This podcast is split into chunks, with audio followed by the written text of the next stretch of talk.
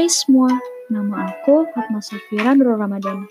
Podcast ini adalah bab kelima buku aset skripsi. Untuk kalian terkhusus para mahasiswa tua yang lagi pusing menyusun skripsi, let's get started. Bab 5.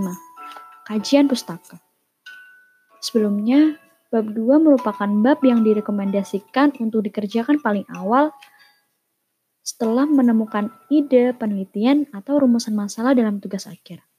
Secara umum, bab 2 berisikan tentang kajian pustaka atas grand teori dari penelitian terdahulu yang relevan dengan rumusan masalah yang diambil.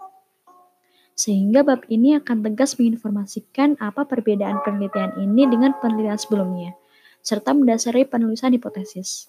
Dalam tugas akhir mahasiswa, banyak ditemukan isi bab 2 lebih banyak terkait dengan definisi-definisi yang umum dan tidak terkait secara spesifik dengan rumusan masalah diangkat. Semisal rumusan yang diangkat adalah bagaimana pengaruh faktor fundamental makroekonomi terhadap indeks harga saham di sektor perbankan. Kemudian salah satu isi dalam bab 2 adalah pengertian bank, klasifikasi bank, dan lain-lain. Dalam bab 2 sebaiknya dituliskan lebih banyak bagian terkait dengan penelitian-penelitian yang terdahulu serta grand teori yang terkait dengan rumusan masalah. Oleh karena itu, tahap awal yang sebaiknya dilakukan antara lain yang pertama melakukan pencarian jurnal-jurnal atau penelitian terdahulu yang terkait dengan rumusan masalah.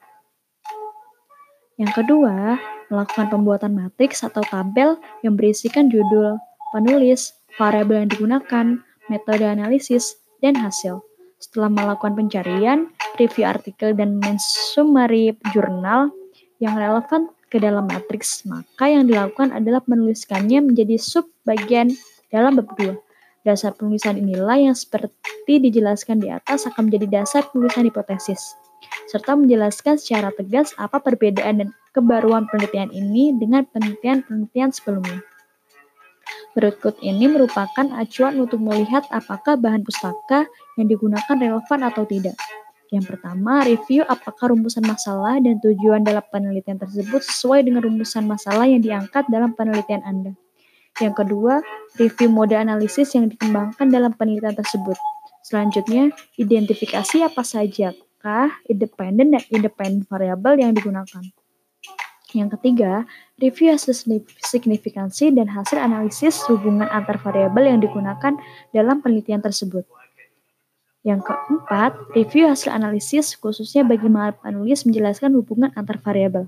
Secara umum yang dituliskan dalam bagian bab 2 dapat diklasifikasikan sebagai berikut. Yang pertama, bagian pendahuluan.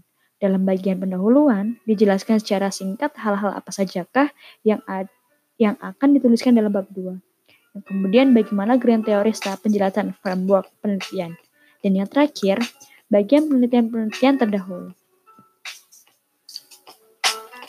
Dan mungkin itu yang bisa saya sampaikan di podcast bagian kelima ini. Untuk kelanjutannya, see you, bye.